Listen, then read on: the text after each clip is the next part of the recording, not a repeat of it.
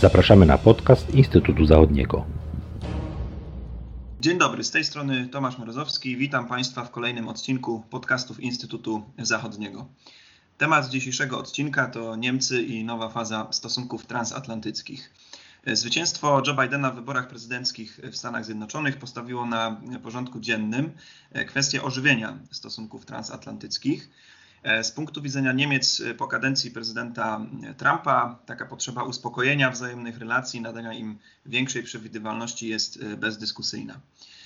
Otwarcie nowego etapu w stosunkach transatlantyckich będzie stanowić bardzo poważne przedsięwzięcie zarówno dla Stanów Zjednoczonych, jak i dla ich europejskich partnerów, ponieważ skala problemów i różnych rozbieżności, a nawet konfliktów jest daleko szersza niż kiedykolwiek wcześniej od zakończenia zimnej wojny.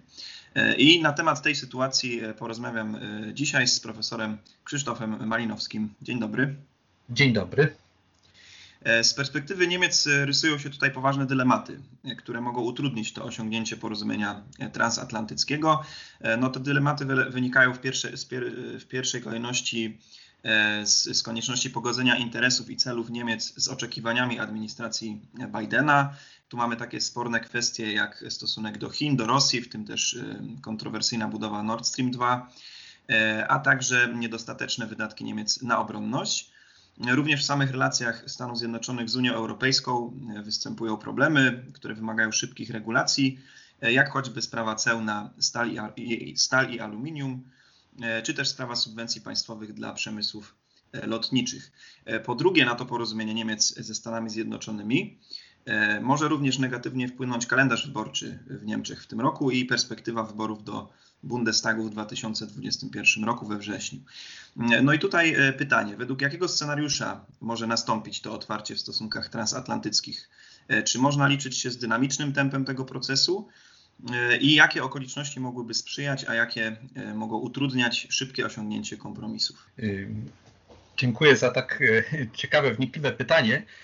Wydaje mi się, że jest bardzo wiele czynników, zarówno w sferze uwarunkowań międzynarodowych, jak i w kontekście wewnętrznym, niemieckim, które no, odegrają sporą rolę w modelowaniu tej nowej agendy transatlantyckiej, czy nowego otwarcia, czy nawet wręcz jak się mówi, nowego dealu. Jeżeli idzie o przede wszystkim te aspekty międzynarodowe, które mogą rzutować właśnie na przebieg, na dynamikę negocjacji związanych z, z regulacją mniej czy bardziej spornych kwestii, no to trzeba tutaj zwrócić uwagę, że będą z pewnością ciążyły czy będą tworzyły taką okoliczność obciążającą czynniki, czy te przyczyny, które związane są z pewnym stanowiskiem Niemiec w, w szeroko rozumianych kwestiach bezpieczeństwa. Myślę tu przede wszystkim o wspomnianej już sprawie wydatków na obronność i tego słynnego współczynnika 2% produktu krajowego brutto, z którym to jak wiadomo Niemcy od lat, osiągnięciem którego mają Niemcy od lat spore problemy. To jest taka kwestia, która właściwie no, przechodzi od, już od wielu, wielu lat. Jest takim punktem może nie zapalnym, ale utrudniającym czy tworzącym pewien istotny punkt odniesienia w relacjach właśnie amerykańsko-niemieckich. A, a, więc można krótko to ujmując, to określić w ten sposób, że ta agenda transatlantycka, ona jest zbudowana z, ze spraw, które wymagają regulacji, które gdzieś mają swoje korzenie w nieodległej przeszłości, ale bardzo właśnie a, obciążają agendę stosunków niemiecko-amerykańskich i bez których chyba uregulowania nie jest możliwe przejście do budowania jakichś szerszych porozumień w takich sprawach perspektywicznych, również bardzo istotnych dla całej wspólnoty transatlantyckiej. Myślę tutaj przede wszystkim o też wspomnianych tutaj współpracy w zakresie handlu. Jak wiadomo, wcześniej w okresie prezydentury Donalda Trumpa rozmowy na temat stworzenia takiego porozumienia transatlantyckiego dotyczącego handlu inwestycji, one się załamały. I osobną kwestią jest oczywiście współpraca w dziedzinie klimatu i energii, która też z punktu widzenia Unii Europejskiej, państw europejskich jest bardzo takim newralgicznym tematem wymagającym właściwie współpracy ze strony Stanów Zjednoczonych. A więc dobrze się stało, że Stany Zjednoczone teraz już po objęciu e, prezydentury przez Joe Bidena powróciły do e, paryskiego porozumienia klimatycznego. Mm, są w końcu też kwestie związane z szeroko rozumianą e, cyfryzacją, to znaczy mm, z potrzebą uregulowania niektórych spornych kwestii dotyczących chociażby działalności dużych amerykańskich koncernów technologicznych związanych chociażby z ochroną prawa do prywatności, ochroną danych osobowych itd. Tak itd. Tak A więc to obok klimatu, energii, druga taka sfera e, i handlu e, wymagająca e, pewnych całościowych rozwiązań już nie tylko pomiędzy Niemcami a Stanami Zjednoczonymi, ale pomiędzy Unią a Stanami Zjednoczonymi. No i na samym końcu być może ta najważniejsza część e, agendy transatlantyckiej, czyli e, Chiny i potrzeba określenia e, przynajmniej jakiegoś skoordynowanego stanowiska przez Unię Europejską i przez Stany Zjednoczone w obliczu właśnie w obliczu właśnie tej amerykańskiej dosyć twardej linii E, wobec Chin i zmagań pomiędzy obydwoma już supermocarstwami w dziedzinie e, nie tylko ekonomicznej, ale także geo, geopolitycznej. A więc tutaj e, Ameryka ze swoim nastawieniem na powstrzymywanie Chin, a Europa na poszukiwanie albo mimo wszystko na zachowanie elementów współpracy gospodarczej, mm, jakby stoją może nie na diametralnie rozbieżnych pozycjach, ale na, po takich pozycjach, które wymagają jeszcze e, no, sporo wysiłku energii, aby doprowadzić do, do zbliżenia, do przynajmniej stworzenia jakiejś może nie wspólnej, ale e, przynajmniej skoordynowanej e, strategii. I tu jest bardzo trudno o, czy będzie bardzo trudno o osiągnięcie jakiegoś daleko idącego kompromisu. Mm, świadczyć mogłoby o tym to, że Unia Europejska E, jeszcze pod koniec ubiegłego roku, kiedy prezydencję w ramach e, Unii sprawowały Niemcy, doprowadziła do porozumienia z Chinami, porozumienia o e, inwestycjach, które to porozumienie no, jednak świadczyłoby, że Unia Europejska też pragnie zachować pewną samodzielność w kształtowaniu relacji z Chinami. I wbrew może nawet i pewnym oczekiwaniom już e, osób związanych z tą nową przyszłą administracją, która e, od 20 stycznia teraz e, sprawuje, sprawuje swoje urzędy w Stanach Zjednoczonych.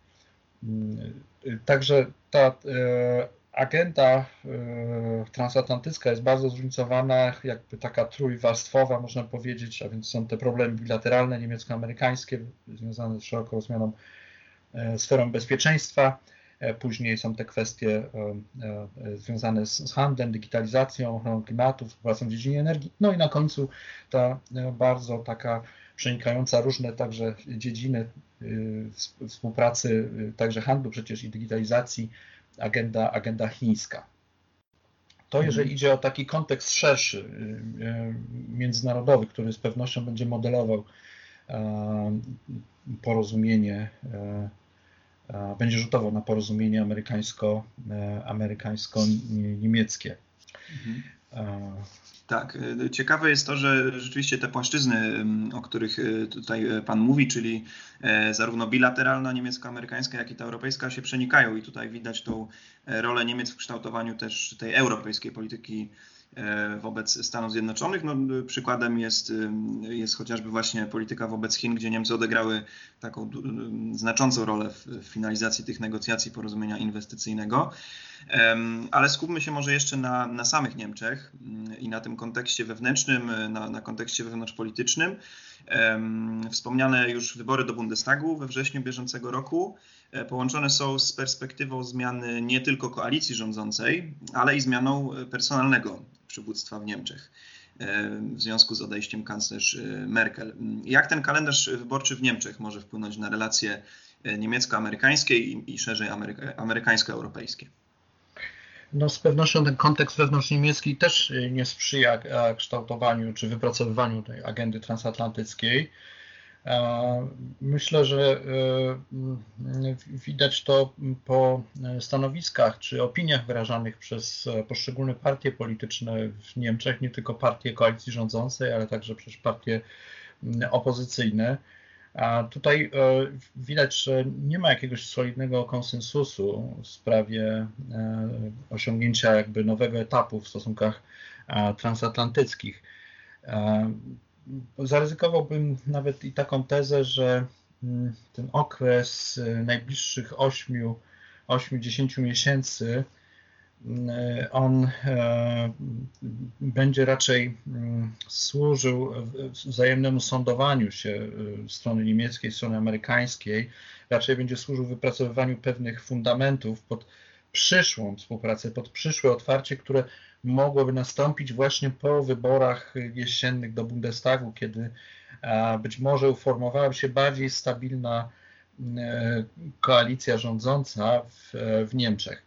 No bo obecnie, y, obecnie mamy do czynienia z pewnymi tendencjami w, w partiach niemieckich, które w jakimś sensie mogą, można by określić jako, jako polaryzację, y, polaryzację właśnie na tle ich stosunku do, y, do Stanów Zjednoczonych, a więc polaryzacji na tle tej podstawowej takiej niegdyś cechy czy właściwości niemieckiej polityki zagranicznej, e, która kryła się pod pojęciem transatlantyckości, czyli, e, czyli była jedną z takich konstytutywnych, e, elementarnych przesłanek niemieckiej polityki zagranicznej.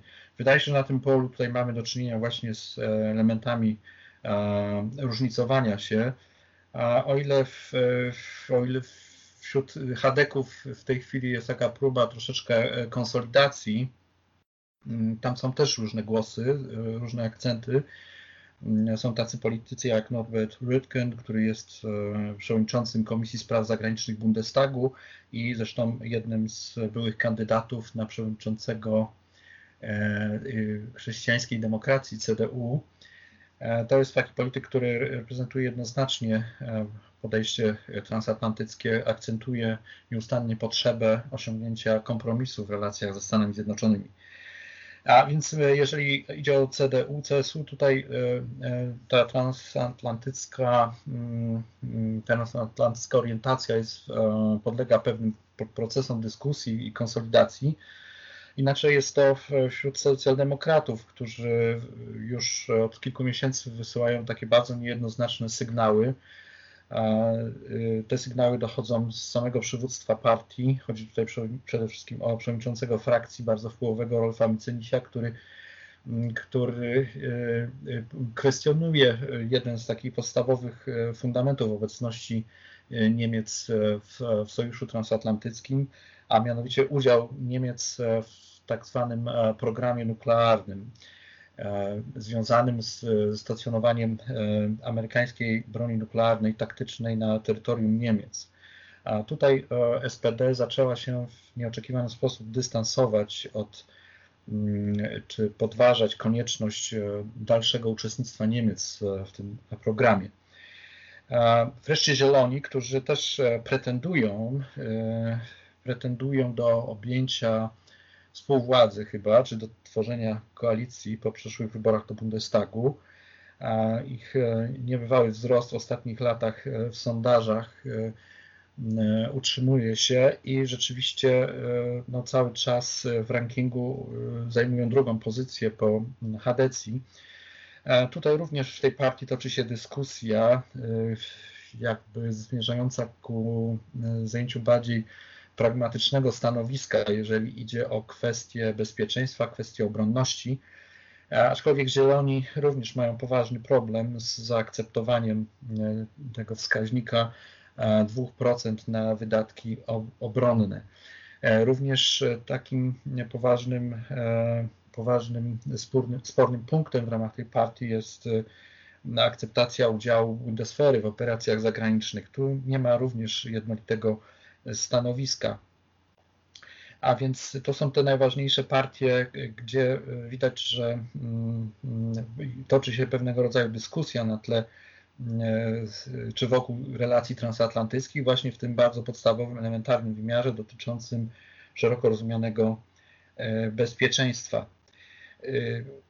Łącznie moglibyśmy powiedzieć, że, że, czy założyć, że ta właśnie polaryzacja będzie, będzie również rzutować na agendę stosunków niemiecko-amerykańskich. Stąd właśnie taka tutaj hipoteza, że w najbliższym okresie 80 miesięcy raczej należałoby z dużą ostrożnością podchodzić do takiego twierdzenia, iż nastąpi w tym okresie wypracowanie jakichś trwalszych E, trwalszych podstaw e, tego nowego otwarcia w stosunkach transatlantyckich.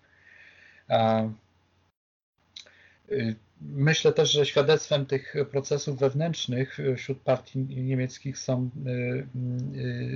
stanowiska, jakie zajmują partie polityczne wobec bardzo takich dwóch też kontrowersyjnych kwestii. Drugiej takiej kontrowersyjnej kwestii, jaką jest Nord Stream 2, o której warto by wspomnieć może no, jest taka egzotyczna konstelacja, e, mianowicie tworzą, tworzą tą konstelację zarówno partie chadeckie, jak i SPD, jak i mm, Lewica, a nawet i AfD, e, opowiadając się za mm, kontynuacją, mm, kontynuacją e, tego projektu, no, a także wypowiadając się zdecydowanie przeciwko sankcjom amerykańskim na właśnie przedsiębiorstwa związane z realizacją E, inwestycji Nord Stream 2.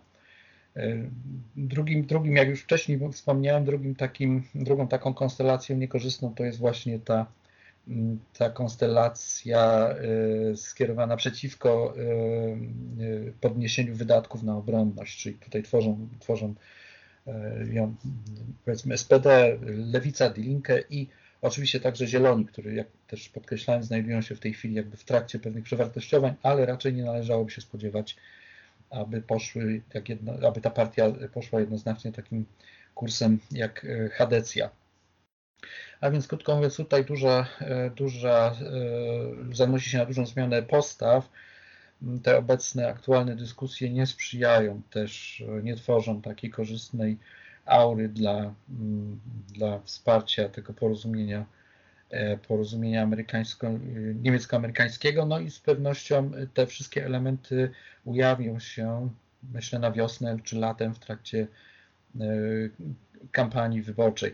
Oczywiście można, można spekulować, że pewne e, po wyborach już pewne mm, konstelacje partyjne mogą być mniej czy bardziej korzystne z punktu widzenia tego otwarcia transatlantyckiego.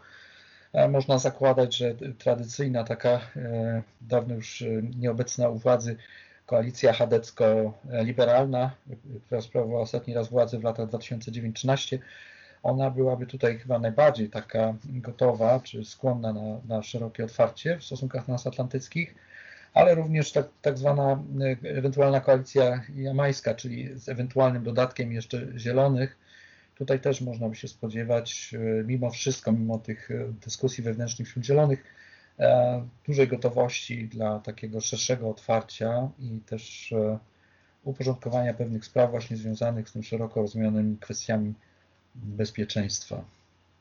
Mhm. No to będzie bardzo ciekawe. Będziemy obserwować, jak w tym roku ten proces polityczny wewnątrz niemiecki wpłynie na, na nastawienie Niemiec wobec tego nowego otwarcia w relacjach transatlantyckich. E, bardzo dziękuję e, za tą dzisiejszą rozmowę. E, dziękuję też Państwu za uwagę i zapraszam do śledzenia i słuchania kolejnych odcinków podcastów Instytutu Zachodniego. Dziękuję bardzo i do usłyszenia. Dziękuję bardzo, do usłyszenia.